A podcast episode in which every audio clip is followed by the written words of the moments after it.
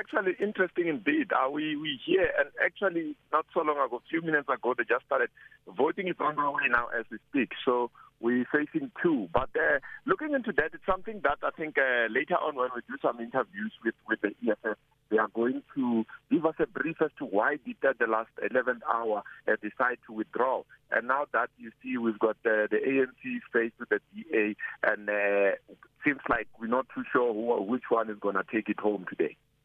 Uh, speaking about the uncertainty in that regard, uh, again, of course, uh, it begs the question of who the EFF will be voting with. Uh, right now, it seems like uh, we're not too sure because the, the, the ANC, as I said earlier, that they, they called an emergency caucus.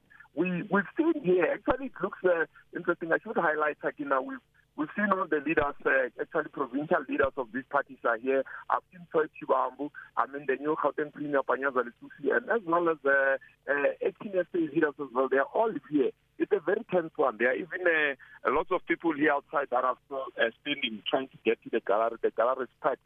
So we're just hoping that uh, uh, I spoke to some of the politicians. I asked them, well, who do they think is going to go to? And they say, uh, whoever is going to predict that to be a very uh, rich millionaire. But uh, right now, uh, there's uncertainty.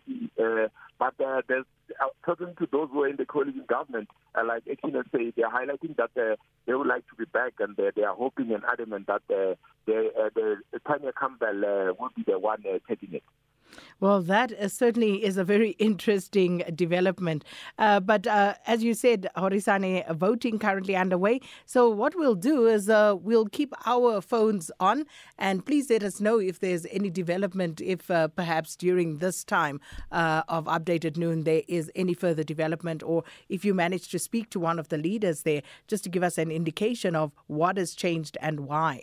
Uh, but Horisane Sitole, thank you so much. Our reporter who's in Germiston in Ekurhuleni watching uh, the uh, Ekurhuleni uh, mayor um, um, voting taking place.